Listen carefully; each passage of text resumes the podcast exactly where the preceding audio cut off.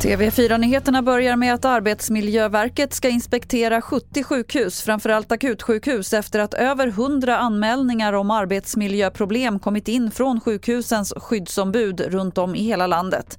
Hög arbetsbelastning, personalbrist och överbeläggningar där patienter vårdas i korridorer är exempel på vad som anmälts.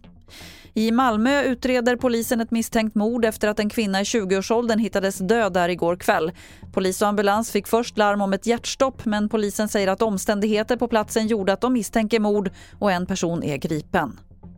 Och polisen har hittat en kropp i sökandet efter 25-åriga Liselott som varit försvunnen sedan förra lördagen.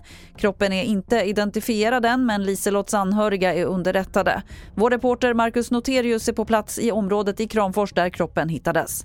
Det är fortfarande avspärrat här på platsen och parallellt med det här så kommer ju också då förhören med den eh, nu häktade 45-årige mannen att fortsätta. Den här mannen häktades alltså igår på sannolika skäl misstänkt då för människorov och mord.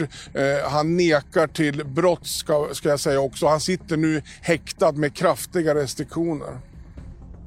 Fler nyheter finns på tv4.se. Jag heter Lotta Wall.